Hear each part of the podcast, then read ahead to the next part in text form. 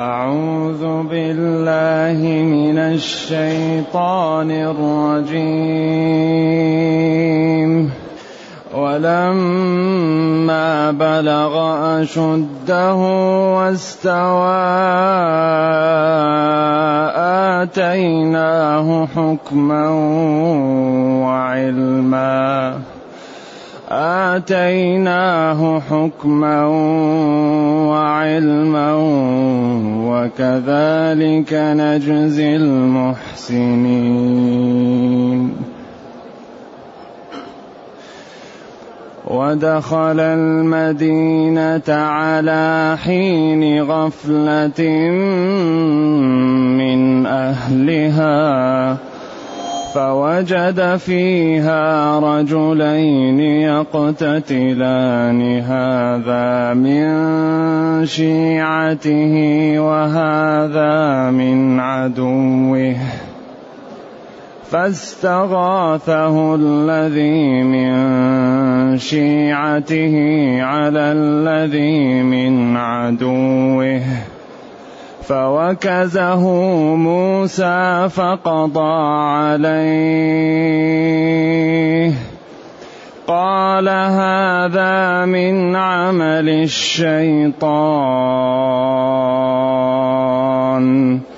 إنه عدو مضل.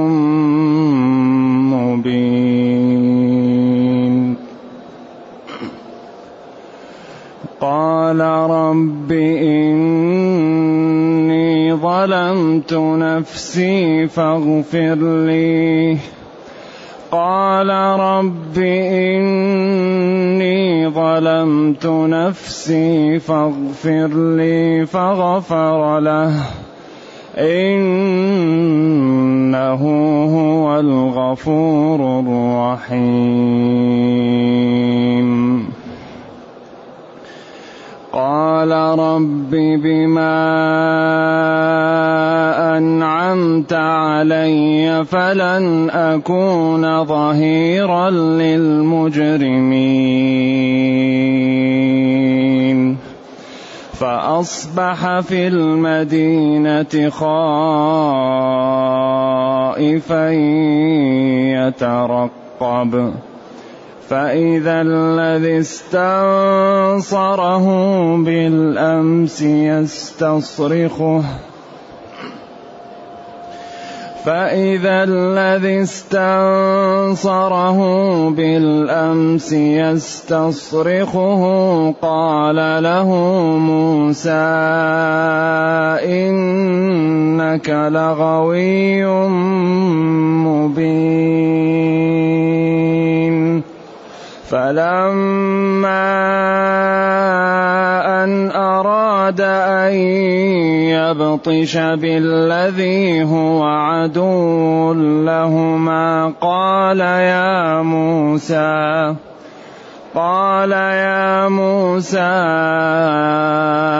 أتريد أن تقتلني كما قتلت نفسا بالأمس إن تريد إلا أن تكون جبارا. إن تريد إلا أن تكون جبارا في الأرض. وما تريد أن تكون من المصلحين. وجاء رجل من أقصى المدينة يسعى. قال يا موسى إن الملأ يأتمرون بك ليقتلوك. فاخرج إني لك من الناصحين.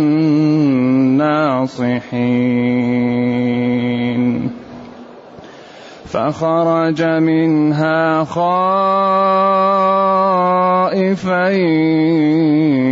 يترقب. فخرج منها خائفا يترقب. قال رب نجني من القوم الظالمين. الحمد لله الذي أنزل إلينا أشمل كتاب وأرسل إلينا أفضل الرسل وجعلنا خير أمة أخرجت للناس. فله الحمد وله الشكر على هذه النعم العظيمة والآلاء الجسيمة والصلاة والسلام على خير خلق الله وعلى آله وأصحابه ومن اهتدى بهداه. أما بعد فإن الله جل وعلا يبين أنه لما أكمل لموسى عقله وجسمه أعطاه العلم والحكمة ولما بلغ أشده واستوى آتيناه آتيناه حكما وعلما. وحين بلغ موسى أشده. يعني أصبح بالغا ثم استوى زاد على البلوغ حتى نضج العقل. أعطيناه حكما وعلما. قال بعض المفسرين أعطاه العلم والفهم وإصابة الرأي والتقى. أيوة. لأنه يعني الفقه مع الفهم ومع الاستقامة. أتاه العلم مع الفقه مع الاستقامة مع مع التقى. ولذلك العلم يجعله لا يخطئ والتقى يجعله لا يعمل بغير إيش؟ في الخطأ. فهي آه ثم قال وكذلك نجزي المحسنين. مثل ما جزينا موسى وأعطيناه هذه النعم العظيمة عبادنا المحسنين نحسن إليهم ونعطيهم.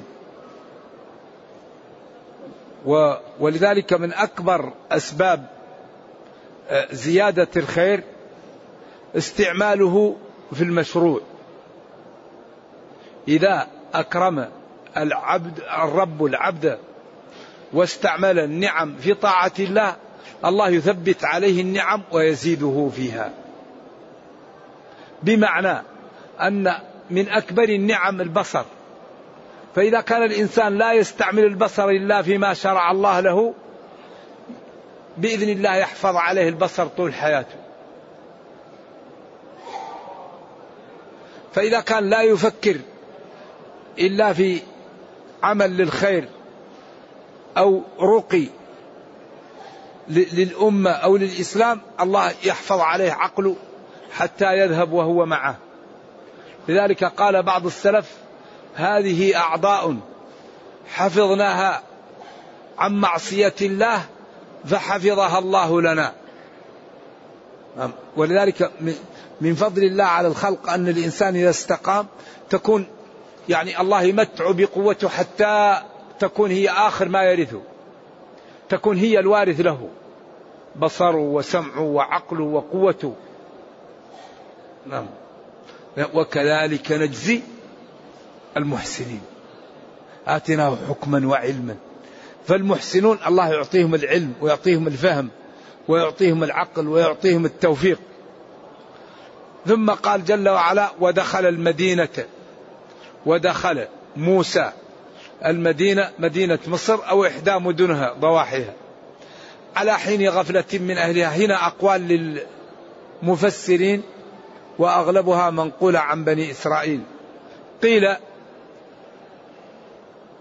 إن فرعون كان يوم يريد أن يذهب وانشغل عنه موسى فلما ذهب فرعون تبعه موسى مع حاشيته وكان على حين غفلة من أهلها. قيل وقت القائلة وقيل بين المغرب والعشاء وقيل يوم عيد.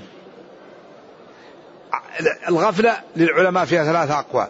قول إنه كان وقت القائلة وقيل بين المغرب والعشاء. وقيل كان ذلك يوم عيد فدخل وهو في غفلة. وقيل إنه في صغره لما أخذ عصا وضرب بها فرعون غضب عليه وقال اخرجوه عني. وكان لا يأتي إلا بعد مدة حتى ينسوا حاشية فرعون الضربة التي فعلها موسى لفرعون. وقيل إنه لما نضج موسى واستوى أصبح يعيب فرعون على أعماله وأصبح يكره هذه الطريق. وشاع عنه ذلك.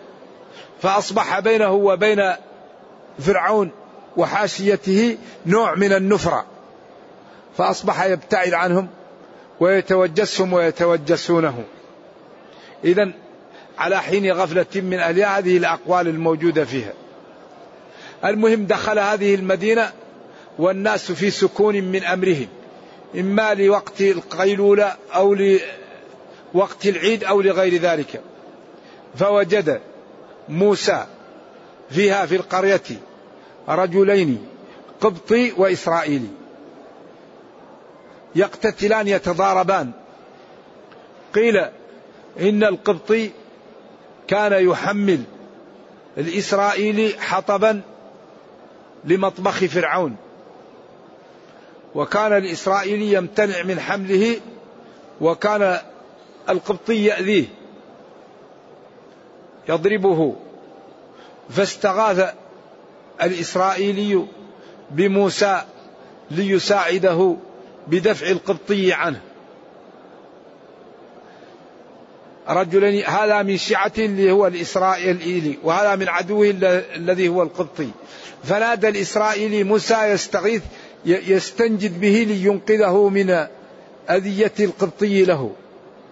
فاستغاثه الذي من شيعته من بني إسرائيل على الذي من عدوه الذي هو القبطي. المهم قال له هذا الحطب أريد أن نحمله لبيت أبيك لفرعون. المهم حذره من أن يأذيه فلم يقبل. فكان أجله فأخذ موسى يده. ووكزه فيها لكزه ضربه في صدره. جمع أصابعه وضربه في صدره دفعه في صدره. فمات فقضى عليه. كان أجل وموسى لا يريد ذلك. كان موسى قوي وشديد صلوات الله وسلامه عليه. ولذلك لما رأى قومه يعبدون العجل رمح الالواح حتى تكسرت وأخذ برأس أخيه يجره إليه حتى قال له يا ابن أم لا تأخذ بلحيتي ولا برأسي. إني خشيت أن تقول فرقت بين بني إسرائيل ولم ترقب قولي. نعم. فأخذته غضب بعدين أعطى للاسرائيلي جم يعني ف فمات الإسرائيلي قضى عليه. عند ذلك ندم موسى.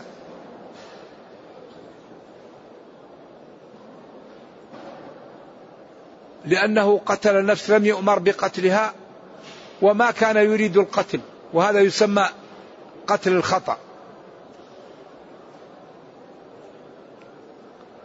قال ربي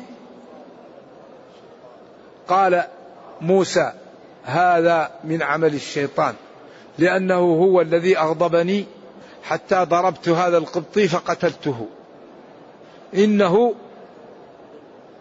أي الشيطان عدو لبني آدم مضل لهم مبين العداوة. ولذلك كل مشكلة وراءها شيطان. أي مشكلة وراءها الشيطان؟ ويقول العلماء أن الشيطان أحب أبناءه إليه هذا الذي يفرق بين الأقارب. يفرق بين الزوجة والزوج وبين الولد والوالد وبين الأخ وأخيه. هذا الذي يحبه الشيطان لأن تقطيع الأرحام هذا حالقة للدين. يأتي ويقول فلان لا يزورك لما لا تزره؟ فلان يقطعك لما لا تصله؟ فلان يحتقرك لما لا تحترمه؟ ويقطع أوصال الأقارب. ذلك أغلب المشاكل تأتي من الشيطان. يوغر صدر الإنسان ويدخل الرياء ويدخل العجب. قال موسى هذا الذي فعلته وهو وكزة القبطي من عمل الشيطان. إنه الشيطان بين العداوة مضل لبني آدم مبين واضح العداوة. ولذلك هو لما كان سبب شقائه حسده لآدم أول ما طلب الإنذار. الإنذار. قال ربي أنظرني ربي أنظرني لأن الوقت هذا كل شيء يعمل فيه. شوف الشيطان استعمل علمه في إيش؟ في الضلال. ما نرجو الله السلامة والعافية. أول شيء قال ربي يعلم أن الله كريم وأنه إذا سئل إيش؟ يعطى. ما قال ربي تب علي. ربي إني ظلمت نفسي. كما قال آدم. قال ربي إيش؟ أنظرني الله كريم قال إنك من المنظرين قال إذا والله لا أفعلن الأفاعيل فيهم. قال فبعزتك لأغوينهم. وقال فلآتينهم من بين أيديهم ومن خلفهم وعن أيمانهم وعن شمائلهم. حتى قال ولقد صدق عليهم إبليس ظنه. والشيطان يأتي للإنسان من كل جهة من جهة الكفر. ثم من جهة الرياء ثم من جهة التسويف ثم من جهة يعني الإشغال بالمفضول. أول شيء يقول لك الدين غير صحيح. فإذا لم تصدقه يحاول أن يقول لك لما لا تعمل؟ برنامج لحفظ القرآن.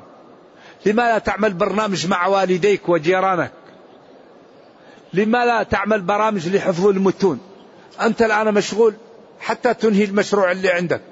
لما لا تحج هذه السنة؟ أترك الحج إلى بعد سنة سنتين. أنت الآن عندك أمور حتى تتفرغ.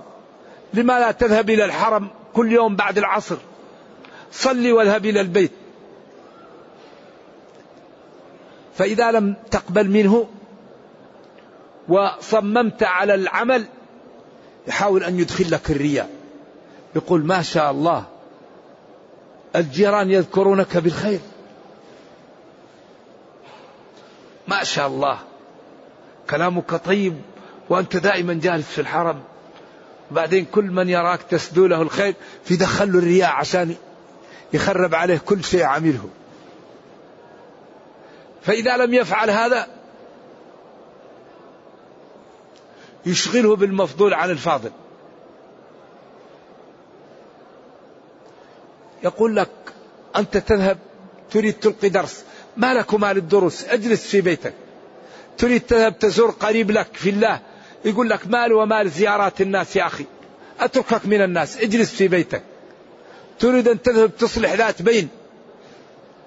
يقول لك يا أخي إيش لك وش للآخرين؟ روح واجلس في بيتك. يحاول يشغلك بالمفضول عن الفاضل. إذا يحاول أن يكفر. فإن لم يستطع يسوف. فإن لم يستطع يدخل الرياء. فإن لم يستطع يشغلك بالمفضول عن الفاضل. ولذلك ربنا قال لنا إن الشيطان لكم عدو فاتخذوه عدوا. فاتخذوه عدوا. قل لعبادي يقول التي هي أحسن. إن الشيطان ينزغ بينهم. يحرش. إذا قال موسى هذا من عمل الشيطان الذي أغضبني وجعلني أغضب حتى أوكز هذا وكزة قضت عليه. ولذلك الرجل الذي جاء لنبينا صلى الله عليه وسلم وقال له أوصني قال لا تغضب. لا تغضب.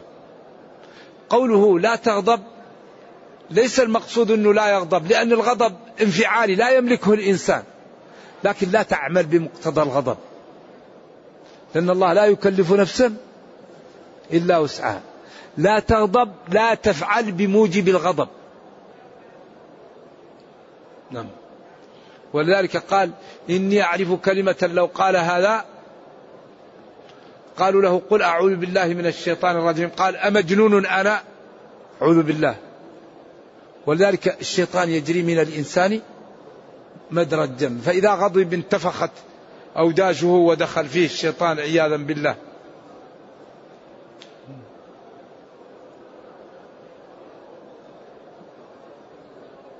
قال موسى يا ربي إني ظلمت نفسي بقتل القبط من غير أن نؤمر بذلك. فاغفر لي. يا ربي إني ظلمت نفسي. حيث تصرفت تصرفا لم أؤمر به تسبب في قتل نفسي. فلعلة ظلمي لنفسي اغفر لي. فاغفر لي. الفاء مومئة لطلب الغفران. فلعلة ظلمي لنفسي اغفر لي. فغفر له. ربنا كريم. فغفر له. ولذلك قال استغفروني اغفر لكم. إنه جل وعلا هو الغفور كثير المغفرة الرحيم بخلقه. قال موسى يا ربي بما أنعمت علي هنا أقوال للعلماء عديدة في قوله بما أنعمت علي. جمهورهم يقول بسبب إنعامك علي. فلن أكون ظاهرا للمجرمين. حيث أكرمتني وأعززتني وحميتني وغفرت لي وبعضهم قال بما أنعمت علي قسم. ربي بإنعامك علي وإكرامك لي فلن أعود لما فعلت. ربي بتوبتك علي أي أقسم بإنعامك علي أني لن أكون ظهيرا للمجرمين ولن أساعدهم. وبعضهم قال هذا في بعد. وكل قيل. إذا قال موسى ربي بإنعامك علي أقسم بإنعامك علي أو بسبب إنعامك علي فلن أكون مساعدا ولا مقويا للمجرمين. وكأن الإسرائيلي هذا لم يكن مسلما ولكن كان من بني إسرائيل. فأصبح موسى في المدينة التي وكز فيها هذا القبطي وقتله خائفا. نتيجة لقتله نفس يترقب الأحداث وما قد يحصل إليه من نتيجة قتله لهذا القبطي. فإذا الذي استنصره أي أصبح صار موسى في هذه المدينة خائفا متوجسا من الفعل التي فعلها بالأمس من غير قصد يترقب ما لا يحصل له بسبب ذلك. فإذا الذي استنصره بالأمس يعني الإسرائيلي الظاهر أنه كان مشاغبا أو كان صاحب مشاكل. فإذا الذي استنصره بالأمس يستصرخه يصيح عليه ويستنجده لينقذه من إسرائيلي آخر يريد أن يضربه قبطي آخر يريد أن يضربه. ولذلك الأقباط كانوا يستضعفون الإسرائيليين يخدمونهم ويقتلونهم عياذا بالله. فإذا الذي استنصره بالأمس يستصرخه في اليوم ويدعوه ليخلصه من قبطي آخر.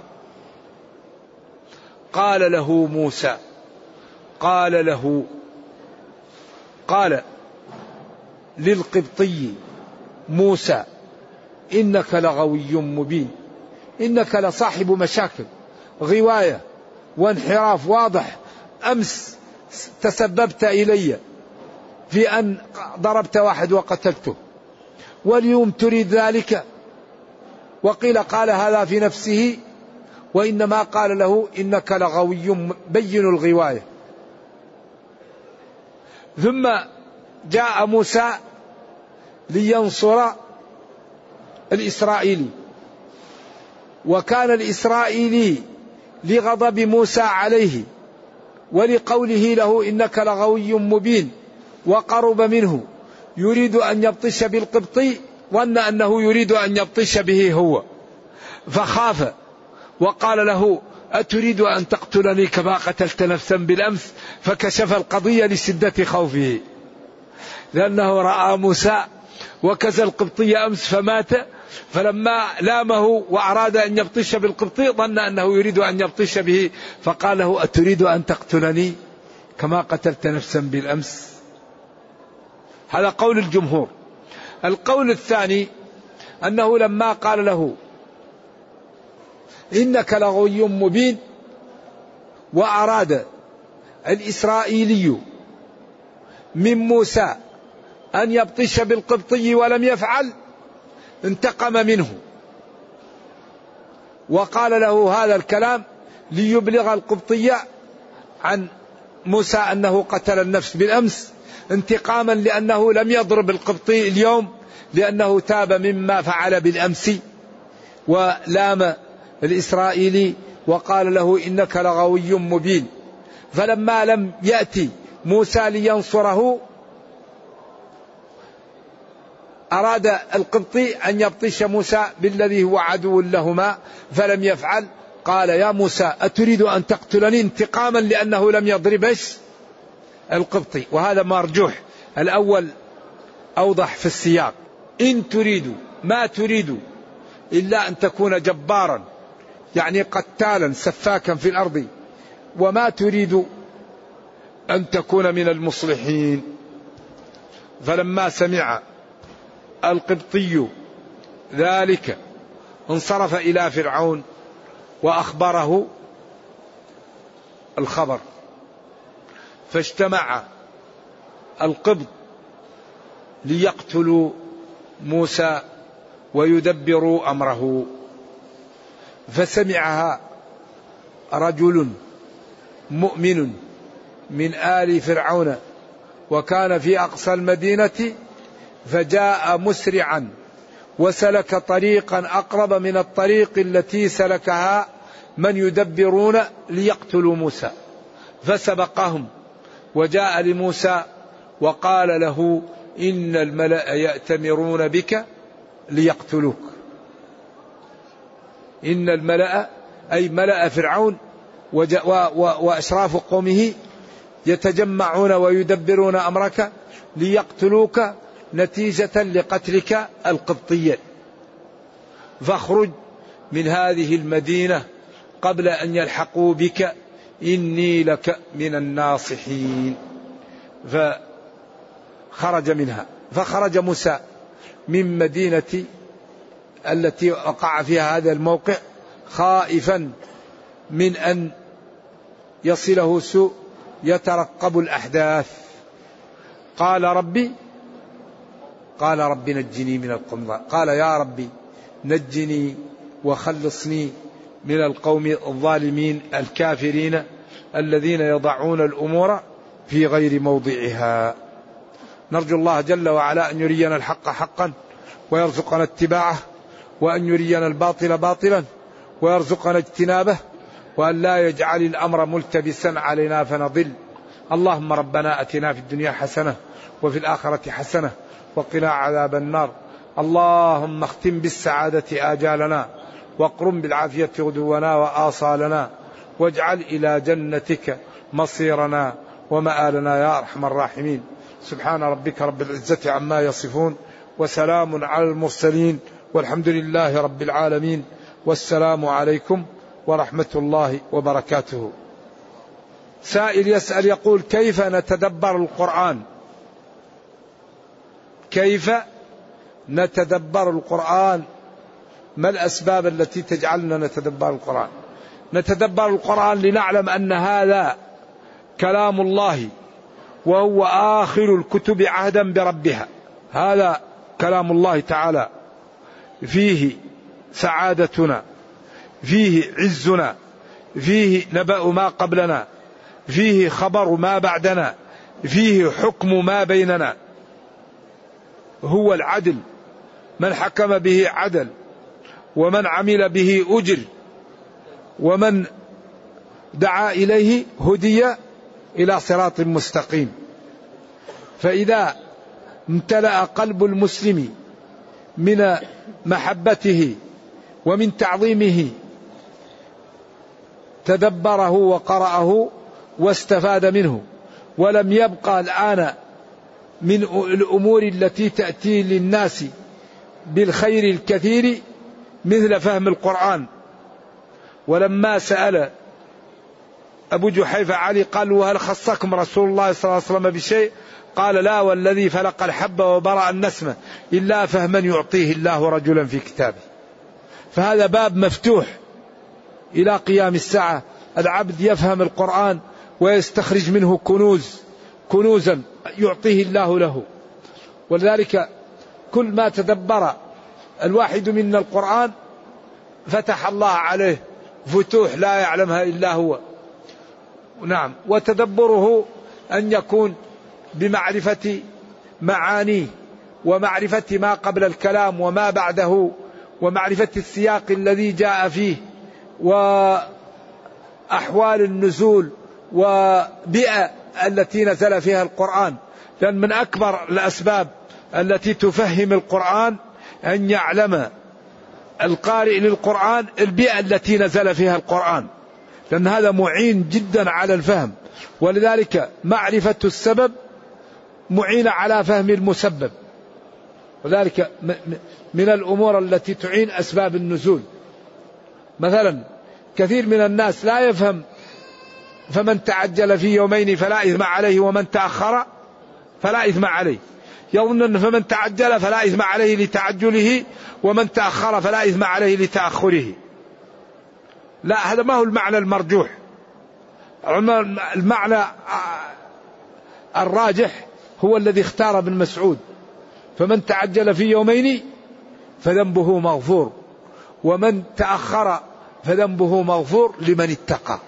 هذه مبينة الحج المبرور ليس له جزاء إلا الجنة.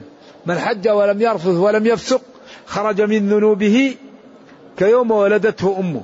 إذا فمن تعجل في يومين فذنبه مغفور ومن تأخر فذنبه مغفور بدليل لمن اتقى ولأن التأخر ليس مظنة للإثم حتى يقال لصاحبه فلا إثم عليه.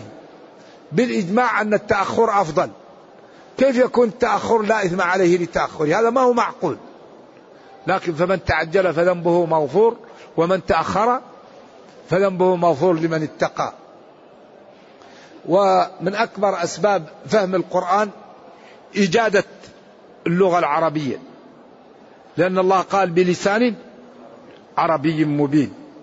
فإذا أجاد قارئ القرآن اللغة العربية بفروعها الثلاث أصبح إذا قرأ فهم واستوعب وعلم المنطوق والمفهوم والفحوى والإيماء والتنبيه وكل الدلالات سواء كانت إشارة أو تضمنية وأصبح إذا قرأ استوعب عند ذلك يستفيد من تدبر القرآن ومن فهمه. نعم. هل الممدود في القرآن يدل زيادة في المعنى؟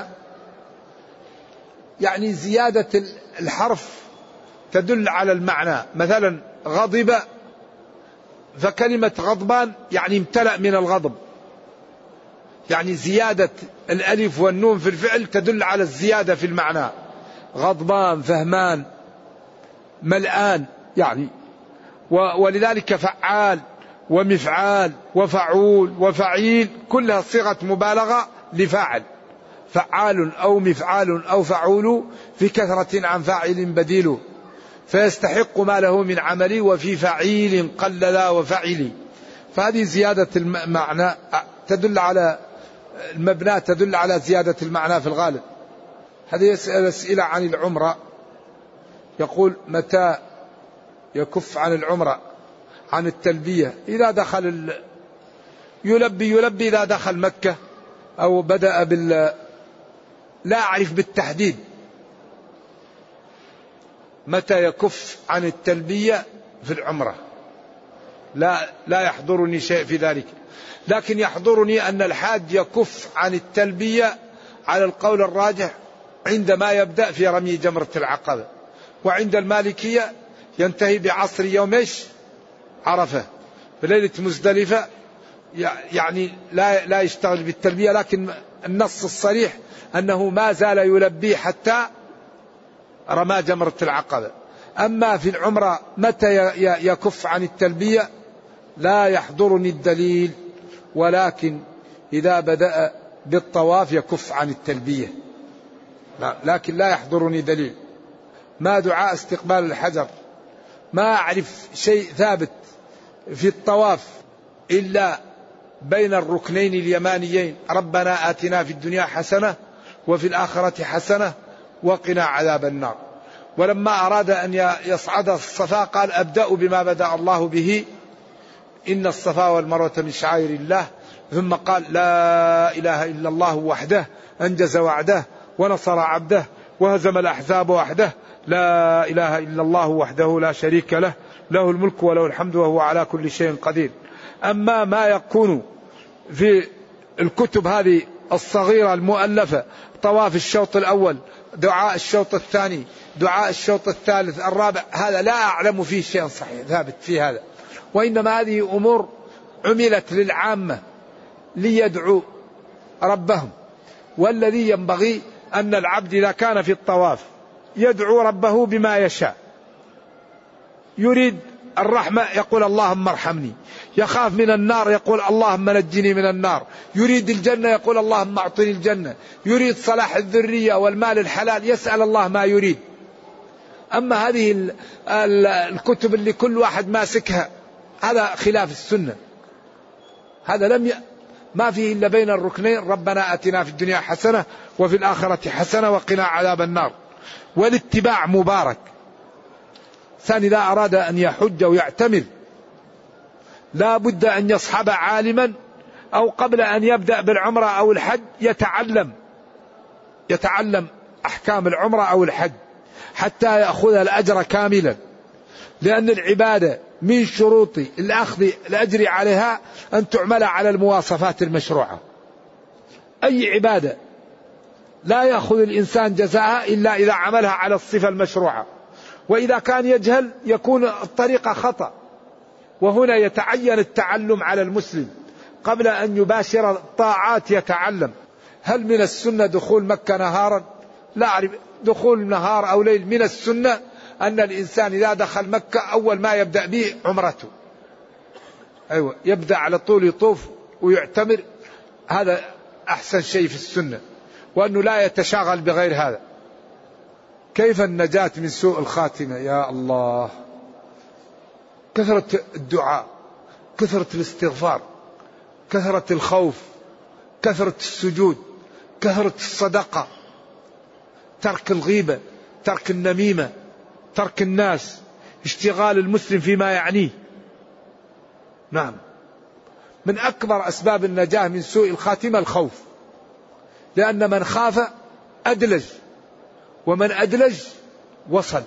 عند الصباح يحمد القوم السرى. تتجافى جنوبهم عن المضاجع يدعون ربهم خوفا وطمعا. ومما رزقناهم ينفقون فلا تعلم نفس ما أخفي لهم من قرة أعين جزاء بما كانوا يعملون. أفمن كان مؤمنا كمن كان فاسقا لا يستوون. أفنجعل المسلمين كالمجرمين؟ ما لكم كيف تحكمون؟ ربنا كريم. فمن أكبر أسباب النجاة هو ممارسة الخير والبعد عن احتقار الناس وغمط الحق وعن العجب وعن التباهي بما أنعم الله به على خلقه. يقول لماذا طلب موسى عليه السلام المغفرة قبل النبوة ووحي الله عليه موسى كان عنده نور أو كان عنده علم ولذلك قال المفسرون آتيناه حكما وعلما قبل النبوة طلب المغفرة لأنه قتل خطأ فطلب الله أن يغفر له والله غفر له. ما حكم ما سمي؟ بدبلة الخطبة وحديث التمس ولو خاتما من حديد. التمس خاتم, خاتم ولو من حديد هذا في المهر. والدبلة مشكلة. إذا كان يتشبه بها غير المسلمين تكون مشكلة. والخطبة هو الكلام بين أهل الزوج والزوجة في في التزويج بينهم. يقال له خطبة. يعني طلب الرجل للمرأة يسمى خطبة. والتمس ولو خاتما من حديد هذا للمهر. إنه لا بد من مهر. وسيأتينا في عند لما نأتي. إني أريد أن أنكحك إحدى ابنتي. الكلام في المهر والأمور يأتي إن شاء الله. هل يجوز للمعتمر أن يعتمر بعد أن يعتمر عن؟ من حيث إنه لا يستطيع أن تؤدي العمرة عن أحد أقاربه أمه. هذا يتكرر كثير. والسؤال يكثر. هل تجوز العمرة من التنعيم؟ بعض العلماء قالوا الذي في مكة أفضل له أن يشتغل بالطواف. ولا يذهب إلى التنعيم ليأتي بعمرة. فبدل أن يذهب إلى التنعيم يأتي بثلاثة أربعة أطواف. وبعض العلماء قال ذلك جائز ولا شيء عليه. والذين قالوا الأفضل البقاء في مكة قالوا لأن الصحابة حجوا مع النبي صلى الله عليه وسلم حجة الوداع وكانوا قرابة مئة وعشر آلاف. ولم ينقل أن أحدا منهم اعتمر إلا عائشة رضي الله عنها. قالوا ولو كانت العمرة من التنعيم فيها فضيلة لتسابق الصحابة وعملوا العمرة من التنعيم. وترك الصحابة على كثرتهم وحرصهم على الخير. وحتى عبد الرحمن بن أبي بكر كان مع أخته لم ينقل إنه اعتمر. قالوا هذا يدل على أن هذا لو كان في فضلية لفعله إيش؟ الصحابة. اذا يشتغل بالطواف ولكن إذا عمله لا ننكر عليه.